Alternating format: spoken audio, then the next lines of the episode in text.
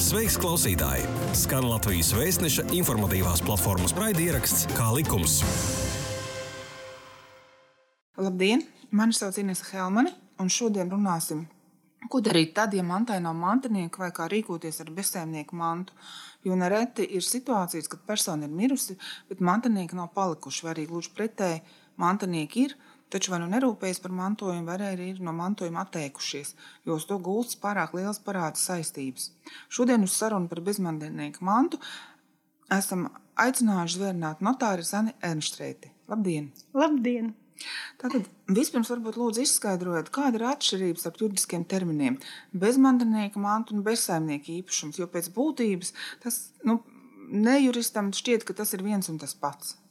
Nu, principā, ja jūs arī pareizi sakat, tas gala, gala, gala iznākums ir viens un tas pats, ka ir manta, kas nevienam nepieder un kāds ar to kaut ko grib pasākt.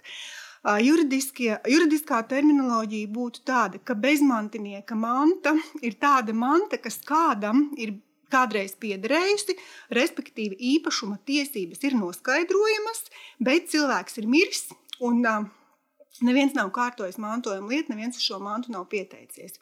Otrs termins, par ko jūs minat, tas ir bezsaimnieka manta. Juridiski precīzāk droši vien būtu bezīpašnieka manta, kad mantai nav noskaidrojams īpašnieks vispār. Labāki piemēri būtu attiecībā uz kustamo mantu, kad tu kaut ko atrodi un tu nezini, kas ir īpašnieks, bet praksē gadās, kad arī nekustamajam īpašumam nevar atrast īpašnieku. Piemērs visbiežāk tādi ir bijušo Paju sabiedrību nekustamie īpašumi, kolhozu nekustamie īpašumi, kur šie uzņēmumi ir likvidējušies un likvidācijas rezultātā vai nu dokumenti ir gājuši bojā un nav iespējams atrast, kas to mantu ir pārņēmis, vai vienkārši manta nav pārņemta. Un tad, kā saka, tas īpašums karājas gaisā un nepieder nevienam. Un tad šī būtu tā bezīpašnieka manta, jo īpašnieka nav, viņš nav noskaidrojams. Bet abi tie termini kopā saucās valstī piekritīgā manta. Neatkarīgi no kā tas ir, bez mantinieka vai bez īpašnieka, bet viņa tā ir manta, kas izējot noteiktu procedūru piekrīt valstī. Un sakiet, lūdzu, tātad, kas, kādi normatīvi akti regulē šo valstī piekritīgo mantu? Mm -hmm. Tad attiecībā par bezmantinieku mantu šo procedūru, kā viņu atrod un ko ar viņu dara, regulē notariāta likums. Un uz tā pamata izdotie noteikumi par mantojuma reģistru un mantojuma lietuvešanu. Pēc tam tālāk pēc procedūras iet noteikumi par zvērnātu tiesu izpildītāju rīcību ar bezmantinieku mantu. Tas ir, ko jau tiesa izpildītājs dara, kad tā manta ir atklājusies. Tad vēl ir likums par valsts ieņēmumu dienestu un uz tā pamata izdotie noteikumi, kārtība, kādā veicam valstī piekritīgās mantas uzskaitu, novērtēšana, realizācija, nodošana bez maksas, iznīcināšana un realizācija ieņēmumu ieskaitīšana valsts budžetā. Nu, aktu bāze ir. Bet aktu bāze ir diezgan plaša. Jā, jā viņa ir plaša. Jā. Mm -hmm. Varbūt sāksim ar to pirmo, tad ar bezmantinieku mantu. Kurā brīdī tad notārs konstatē, ka tā ir bezmantinieka manta? Jo es saprotu, ka noteiktā laikā likums nosaka, ka gada laikā ir jāpiesakās mantiniekiem. Un, ja nepiesakās, tad tā kļūst par bezmantinieku mantu. Kā tas ir? Tad uh, uh, civil likums nosaka, ka mantiniekiem mantojums ir jāpieņem gada laikā. Tātad uh, gada laikā mantiniekiem ir jāaiziet pie notāra un jāuzsāk mantojuma lieta. Uh, un parasti uh, mēs saprotam, ka, ja tu nāc pie notāra, tad tu to mantojumu pieņem. Tā var arī nebūt. No mantojuma var atteikties, mantojumu var atraidīt un to nepieņemt. Tas ir viens no gadījumiem, kad mantinieki pasaka, paldies, mums šo nevajag. Tā iet uz procesu par bezmantinieku mantu. Otra situācija varētu būt, ka cilvēks nomirst, man, uz mantojumu neviens nepiesakās, un, piemēram, Pašvaldība, kas ir nekustamā īpašuma nodokļu iekasētājs, var uzsākt mantojuma lietu. Nekustamā īpašuma apsaimniekotājs, kuram netiek maksāts par nekustamā īpašuma apsaimniekošanu. Tātad, persona, kas ir sniegusi šim mantojuma atstājējam kaut kādu pakalpojumu, par ko nav samaksāts vai par ko netiek maksāts, viņa var kļūt par šo ieinteresēto personu, kas var uzsākt lietu. Un tad procesa rezultātā notārs izsludina mantojuma atklāšanos, tas tiek nopublicēts Latvijas vēstnesī un tiek noteikts termiņš, kādā mantinieki var pieteikties. Ja neviens nepiesakās, un arī šīs ieinteresētās personas saka, mēs nezinām, kas ir šie mantinieki, ja neviens nepiesakās, tad termiņam iztekot, notārs stājas aktu par mantojuma lietas izbeigšanu un atzīst, ka šī manta, kas ir, piekrīt valstī. Bet kād, kādas ir situācijas, kurās mantu nepieņem? Es tā no savas prakses esmu uh, izdalījusi tādas trīs, trīs uh, tādus pamatus. Tad pirmais ir, kad uz mantojuma gūstas parādi, respektīvi tie parādi ir lielāki, uh, parādi ir lielāki nekā tā mantojumās mantas vērtība. Un mantinieks saprot, ka viņam nav izdevīgi eh, finansiāli ieguldīties, uzņemties saistības, kuras pārsniedz šī mantojuma vērtību. Un viņš pasaka, ka nē, parādi ir lielāki, es šo mantojumu nepieņemu. Otrs, otrs diezgan izplatīts gadījums ir, kad mantinieki vairs nedzīvo Latvijā, un viņi, un viņi zina, ka viņi vairs šeit neatgriezīsies, un viņi vairs saka, mums vairs nav saikne ar šo valsti. Mēs vairs neko negribam. Mēs, mēs atsakāmies, mums neko nevajag. Mums neinteresē, ka, piemēram, realizējot šo dzīvokli, mēs varētu iegūt kaut kādu finansiālu labumu. Ne, mēs neko negribam. Un viņi atsakās no mantojuma. Un tad vēl ir arī. Uh, Tas gan ir mazliet savādāk kategorija, bet kad ģimenes locekļi savā starpā vienojas, ka, piemēram, tu pieņemsi mantojumu, bet es neko no tā nevēlos. Sakiet, bet ir daudz tādu gadījumu, kad atsakās no mantojuma? Nu, šo trīs dažādu uh, šo trīs iemeslu dēļ. Es teiktu, uh, kādos desmit procentu gadījumos, jā. Tas ir daudz, Un, vai? Es teiktu, es teiktu ka tas ir pēdējā laikā uzkrītoši, uzkrītoši tomēr palielinās tie gadījumi, kad atsakās no mantojumiem, jo ļoti, um, es savā praksē esmu novērojis tādu lietu, ka ir ļoti daudz cilvēki, kuri ir paņēmuši šos ātros kredītus vienā vietā, otrā, trešā, un viņš paņems kaut kādās piecās, sešās vietās, un beigās nekas nav atdots. Līgums to caug, un beigās jau tā sākotnējā summa no viena tā kreditora, viens, otrs, trešais, tur jau ir 5, 6 tūkstoši, teiksim, liels parāds. Un tā manta, kas varbūt tam cilvēkam ir piederējis, ir kaut kāda divu vai trīs pensiju uzkrājums nu, kontā. Un uh, mantinieki atraida. Dzīvoklis viņam vairs, piemēram, nepieder, ir tikai šie parādi, jāatsakās. Jo, jo pastāv risks, ka, ja cilvēks neko nedara, pastāv risks, ka mantojuma lietu var uzsākt arī kreditors. Tad kreditors arī ir tiesīgs uzsākt mantojuma lietu. Viņš var uzaicināt, pieteikties mantiniekus, un, ja mantinieki ir zināmi, bet viņi nepiesakās, un cilvēki ļoti bieži neatsaucās uz, uz, uz vēstulēm un aicinājumiem, var beigās sanākt, ka šis mantojums ir pieņemts. Arī tad, ja tu neko neesi darījis. Tas ir tad, ja mantojuma lietu uzsāk kreditors. Ja mantojuma lietu uzsāk kreditors un lūdzu uzaicināt mantinieku. Šis ir viens no tiem gadījumiem, kad mantinieks var pieņemt mantojumu neko nepasakot. Bet viņš var arī atteikties. Viņš, jā, viņam ir jāatsakās. Ja mantojuma mm -hmm. lietu uzsāk kreditors un ja mantinieks ir saņēmis uzaicinājumu no notāra uh, ierasties un izteikt savu gribu, viņam ir, vai, nu, viņam ir obligāti jāsazinās ar notāru un, un jānoskaidro, kas, kas tajā lietā ir. Lai, lai, nesen, nu, lai nesanāk lielas nepatikšanas vēl. Mm -hmm. nu, šoreiz runāsim par, tādu gadījumiem, par tādiem gadījumiem, kad mantojumu nepieņem. Jā. Ja? Tātad ir trīs gadījumi, mantojuma nepieņem, tad apmēram 10% no visiem notāru darījumiem. Kas notiek tālāk? Ja jūs secināt, tad mantojums nevienam nav vajadzīgs. Notārs izbeidz mantojuma lietu, tā ir akts par mantojuma lietas izbeigšanu. Un tālāk, kas mhm. notiek ar šo tālāk mantu? Ir, um, tālāk ir jāskatās, vai mantojuma lieta, vai Mantojuma lietā ir pieteiktas kreditoru prasījumus, tādas, par kurām valsts uzņemās atbildību, vai mantojuma lietā nav kreditoru prasījumu.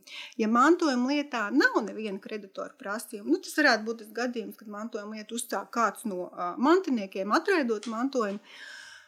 Tad uh, ir atkal jāskatās tālāk, kas ir tā mantojamā manta. Vai tas ir nekustamais īpašums, vai tie ir naudas līdzekļi, varbūt tur ir kaut kādas akcijas, daļas automašīnas. Bet, respektīvi, ja kreditoru prasījumu nav, tad lietu nosūta, tad notārs nosūta lietu valsts ieņēmuma dienestam, pašvaldībai, kuras teritorijā atrodas nekustamais īpašums. Valsts nekustamā īpašuma tagad pozesoru, ja tur ir meža nekustamā īpašuma sastāvā, meža dienestam, respektīvi ir, um, ir saraksts, kurā iestādēji uh, kāda manta informācija par kādu mantu ir jānosūta, un tad šī iestāde, un tad notārs savu darbu ir pabeidzis. Ja mantojuma lietā ir kreditoru pretenzijas iesniegtas, Tad notārs nosūta šo informāciju visām šīm minētajām iestādēm un tiesu izpildītājam, kura darbības teritorijā atrodas nekustamais īpašums. Plus vēl, ja īpašums ir reģistrēts zemes grāmatā, notārs nosūta arī nostiprinājumu lūgumu elektronisku zemes grāmatai ar lūgumu izdarīt atzīmi, ka nekustamais īpašums ir valstī piekritīga manta.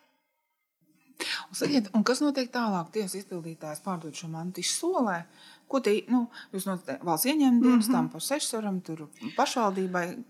Ko šīs iestādes dara tālāk? Um, ja lieta ir nosūtīta tiesu izpildītājam, tad tiesu izpildītājs uh, viņš aicina kreditorus izteikties par to, vai viņi varbūt vēlas pārņemt šo mantu. Ja netiesu izpildītājs rīko izsoli, Un izsolē var piedalīties jebkurš, un izsoles rezultātā īpašums tiek nopirkts. Kādreiz eh, šīs izsoles, eh, šī manta netika realizēta gan ātri. Pēdējā laikā man ir bijušas divas mantojuma lietas, kuras uzsāka nekustamā īpašuma apsaimniekotājs. Manta tika atzīta par valstī piekritīgu, un, manuprāt, divu mēnešu laikā pēc akta izbeigšanas man jāzvanīja apsaimniekotājs un teica, ka īpašums ir noteikti, nopirkts izsolē. Tā kā šobrīd šis te viss notiek ļoti raiti. Mums arī LV portālā ir rekonsultācija jautājumi vairāk, kad ir izveidota dzīvokļu īpašnieku biedrība un daudz dzīvokļu mājā viens dzīvoklis ir bez īpašnieku un neapdzīvots un paliek taču komunālo maksājumu parādi. Nu, ko tad darīt ar to tukšo dzīvokli? Tas droši vien ir šis gadījums. Jā, ja? tas ir tieši šis gadījums. Tātad nekustamā īpašuma apsaimniekotājiem ir jāvēršas pie notāra, jālūdz uzsākt mantojuma lieta Notārs to dara, un tad, ja nu, notāra noteiktajā termiņā neviens, no man, neviens mantinieks nepiesakās, notārs izbeidz mantojuma lietu, izdod aktu par to, ka manta ir piekritīga valstī, nosūta informāciju visām atbildīgajām iestādēm, un, un tiesu izpildītājs pēc kaut kāda laika rīko izsoli, un izsolē var piedalīties viens no īpašniekiem. Jā. Bet eh, labi, ir trīs gadījumi, kurā tā kā var atteikties no mantas, eh, no mantotās mantas. Kas notiek tad, ja mantinieki vispār nav palikuši? Kā vispār uzzināt, kad eh, dzīvoklis vai, nekust, vai māja nevienam nepieder? Nu, cilvēks nomirst, viņu ap, apbērē un viss. Ja nevienam nav interesi par to, kas notiek ar to māju, ja pašvaldībām, teiksim, netur rūpi par to, ka netiek maksāts nekustamā īpašuma nodoklis un rodas parāds, tad tā arī tas stāv. Bet arī pašvaldības bieži uzsāk mantojuma lietas kā personas, kurā kā kreditori. Jo viņām netiek maksāts, jo tām netiek maksāts nekustamā īpašuma nodoklis. Es esmu lasījis, ka citās valstīs likums uzliek par pienākumu notāram meklēt mantinieks, bet Latvijā tā nav.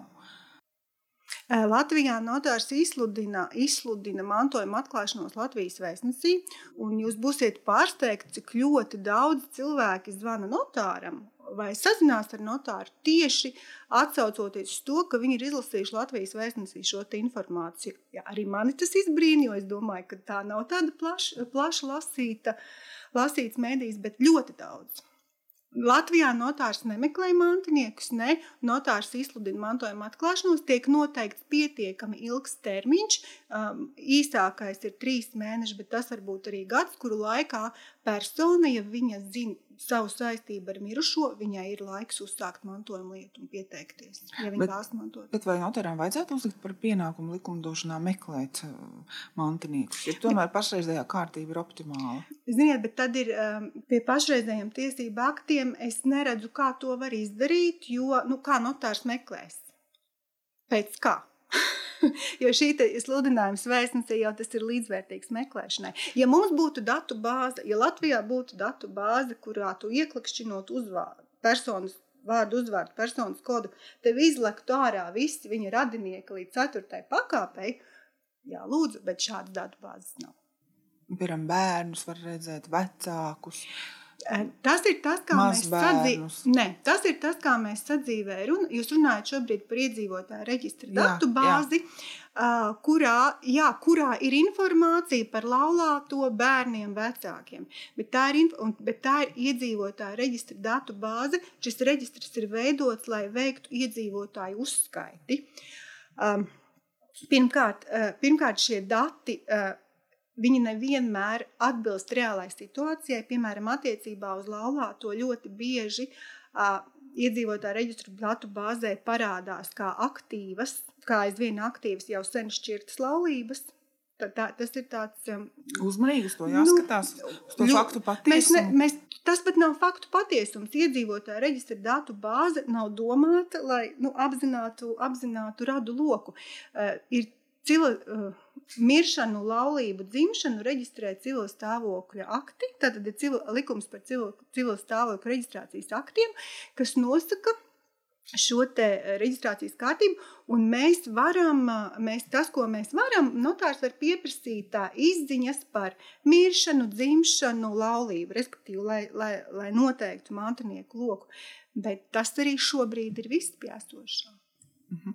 Bet, uh... Bet nevienam nav bijušas problēmas. Visās mantojuma, liet, visās mantojuma lietās, kur arī ir ļoti tāls radniecības un senas dzimšanas, kas ir pat uh, iepriekšējā gadsimtā, šīs uh, radniecība apliecinošie dokumenti ir dabūti. Tā nav. Un, ja, piemēram, kaut kas iet bojā, tad tiesā var konstatēt radniecības faktu, kas nav ne ilgi, ne dārgi. Ne. Tas vienkārši ir lieta, kas jāiet, ko var izdarīt un ko cilvēki dara. Nu, piemēram, ir LV portāls saņēmis tādus jautājumus, ka blakus ir kaut kāda nu, vērtīga divstāvu māja ar zemi un saimniecības ēkām pilsētas centrā. Un, ja, un nav nevienam, neviens par to nerūpējies, un īpašnieks ir miris. Un, ja šīs ziemas laikā var aiziet postā, tāpēc, ka netiks izlaists ūdens no sistēmām, un mājā ir parketa grīda, var arī izdemolēt vai izlaupīt. Un, Un ko darīt tādā, tādā gadījumā? Un, turklāt šis cilvēks nav ne kreditors, ne radinieks. Bet viņš redz, ka tā blakus esošā māja varētu aiziet postā. Es ieteiktu sazināties ar pašvaldību, kura ir nekustamā īpašuma nodokļu iekasētājs, un pašvaldība var uzsākt mantojumu lietu. Jā, bet tad, kas notiek ar šādi, šādiem gadījumiem? Tad katra institūcija pati vai pašvaldība uzsāk mantojumu lietu, ja tā ir zem tavās meža dienas. Uz... Ne? Mantojuma lietu uzsāk kreditors. Respektīvi, likums ir noteicis uh, personu loku, kas var uz ieinteresētās personas. Un, un, tie var būt mantinieki, tie var būt kaut kādās noteiktās situācijās darba devēji, bet parasti mantinieki un kreditori. Valsts meža dienas nekad īsti nebūs kreditors, bet pašvaldība kā institūcija, kas iekasē nekustamā īpašuma nodokli, var būt kreditors.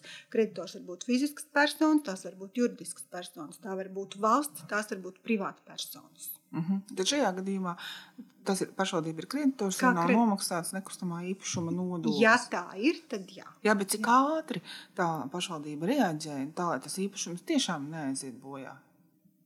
Jums ir kāda pieredze?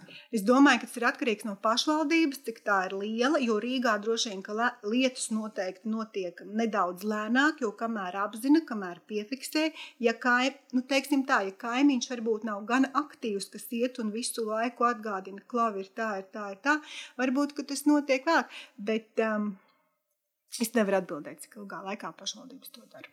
Mhm. Sakiet, nu, kas notiek ar bezīpašnieka mantu? Kā tā tiek konstatēta. Vai māja, vai vienalga, kurš jūs teicāt, mm -hmm. tipiskāk ir kustamā Jā. manta. Kas ir šādā gadījumā? Kādi regulējumi pastāv? Ļoti līdzīgi. Tātad kaut kādā brīdī, kaut kādā brīdī kāds secina, ka šī manta nevienam nepiedara, ka ir nekustams īpašums, piemēram, ir nekustams īpašums, kurš nevienam nepiedara.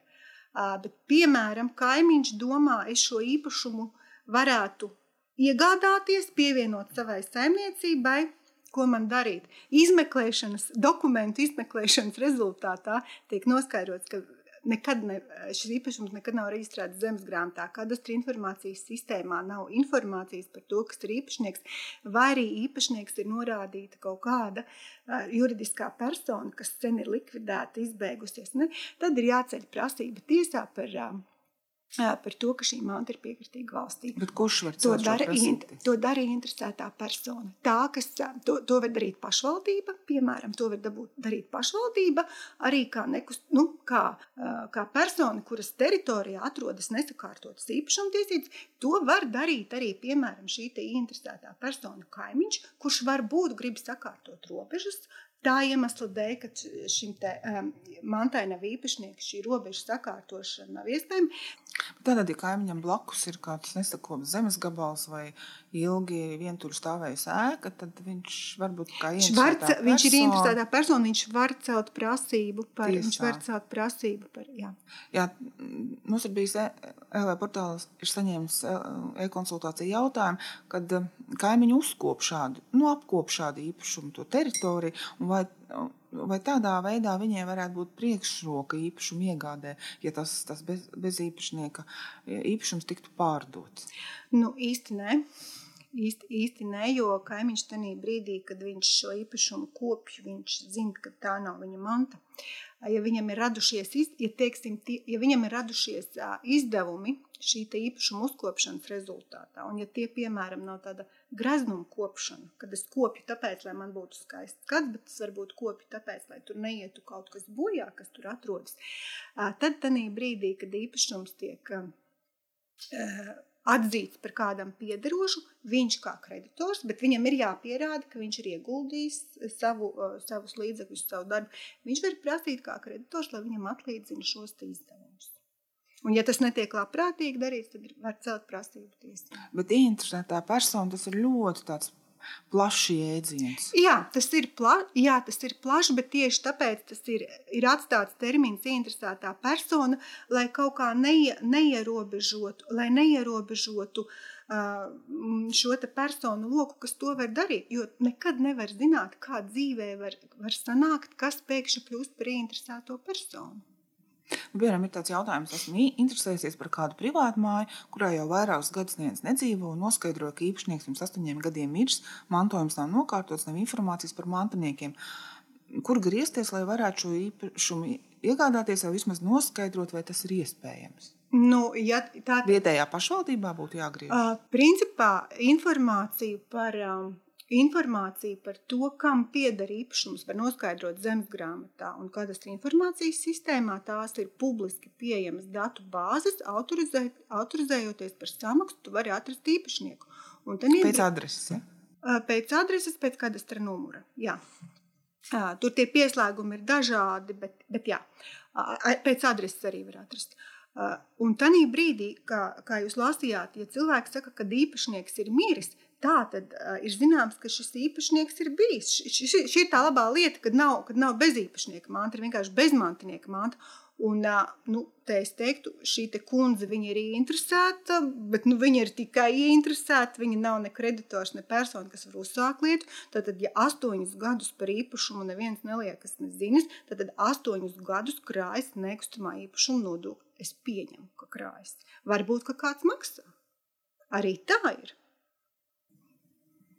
Un sakiet, kādi vēl ir bezīpašnieka manta tipiskākie gadījumi? Jūs minējāt kustamo mantu, varbūt kaut kādu naudas līdzekļu bankā vai mazums. Jā, bez, tad, kad, tad, kad kārto mantojuma, mantojuma lietas, tad tā, nu, tā manta jau ir viss, viss kas, kas, kas var piederēt man, jums vai arī mirušiem. Tie var būt naudas līdzekļi, tās var būt vērtslietas, tās var būt bib, mājas biblioteka. Uh, Tās var būt daļas uzņēmumos, automašīnas, šobrīd arī kriptovalūta. Jā, bet kas notiek tad? Nu, tā ir bezīpašnieka manta. Tiešām nav neviens, kas to piekrīt mantot. Viņa piekrīt Kusta, valstī. Jā, viņa piekrīt. Viņa aiziet valstī. Jā. Bet ja neviens pat ne, nav ieinteresētās personas, kas tur kas uzsāk, kas uzsāk mantojumu, tad, tad nekas nenotiek. Jā, bet tad tas tā cik ilgi tas tā nenotiek. Kamēr kāds, kamēr kāds nesaprot, ka viņam šī lieta kļūst kaut kādā veidā traucējoša. Tā, tā tiešām var būt. Jo, lai, lai, lai, lai atzītu vai nu par bezmantinieka mantu vai par bezīpašnieka mantu, kādam ir jārīkojas. Nenotiek nekas automātiski. Jūsu praksē ir tā bijis, ka ļoti ilgstoši tāda bezīpašnieka manta nu, kaut kur karājas gaisā, tā teikt? Ne, nu, tas termiņš vispār nav nekāds. Bezīpašnieka manta var būt mūžīgi. Viņi taču var bankas sēvā stāvēt briljanti, piemēram. Uh, nu, ja neviens par šiem, teiksim tā, es nezinu, kāda ir bankas, kāda ir bankas procedūra, cik ilgi pie viņiem var kaut kas stāvēt, piemēram, seifā, neierobežot laiku, jo arī par bankas seifu kādam ir jāmaksā. Bankas šis pakalpojums, kāds par to maksā, bet es jums nemāku atbildēt, ko banka dara, kad viņi secina, kad piecus gadus ir seifs ir un neviens par, par viņu neliekas. Nu, piemēram, naudas līdzekļu kontā. Tas pats.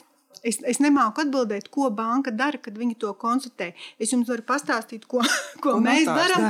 Kad pie mums atnāk cilvēks un saka, Klauvi, ir tā, ka um, nav, nav sakārtotas īpašumtiesības, vai blakus ir māja, un mēs gribētu tā kā dabūt. Bet uh, ko kāds cits dara, es, nezinu, es nezinu atbildu šo jautājumu. Mm -hmm. Bet vai ar šo bezīpašnieku un bezsaimnieka mantu bieži vien ir interesētās personas, kas vai nu grib nopirkt izsolē, vai kaut kā rīkojas, vai tomēr, nu, tomēr tā situācija tiek atrisināta beigu galā? Es teiktu, tā no tām, no tām lietām, kas ir bijušas manā praksē, visaktīvākie ir kaimiņi.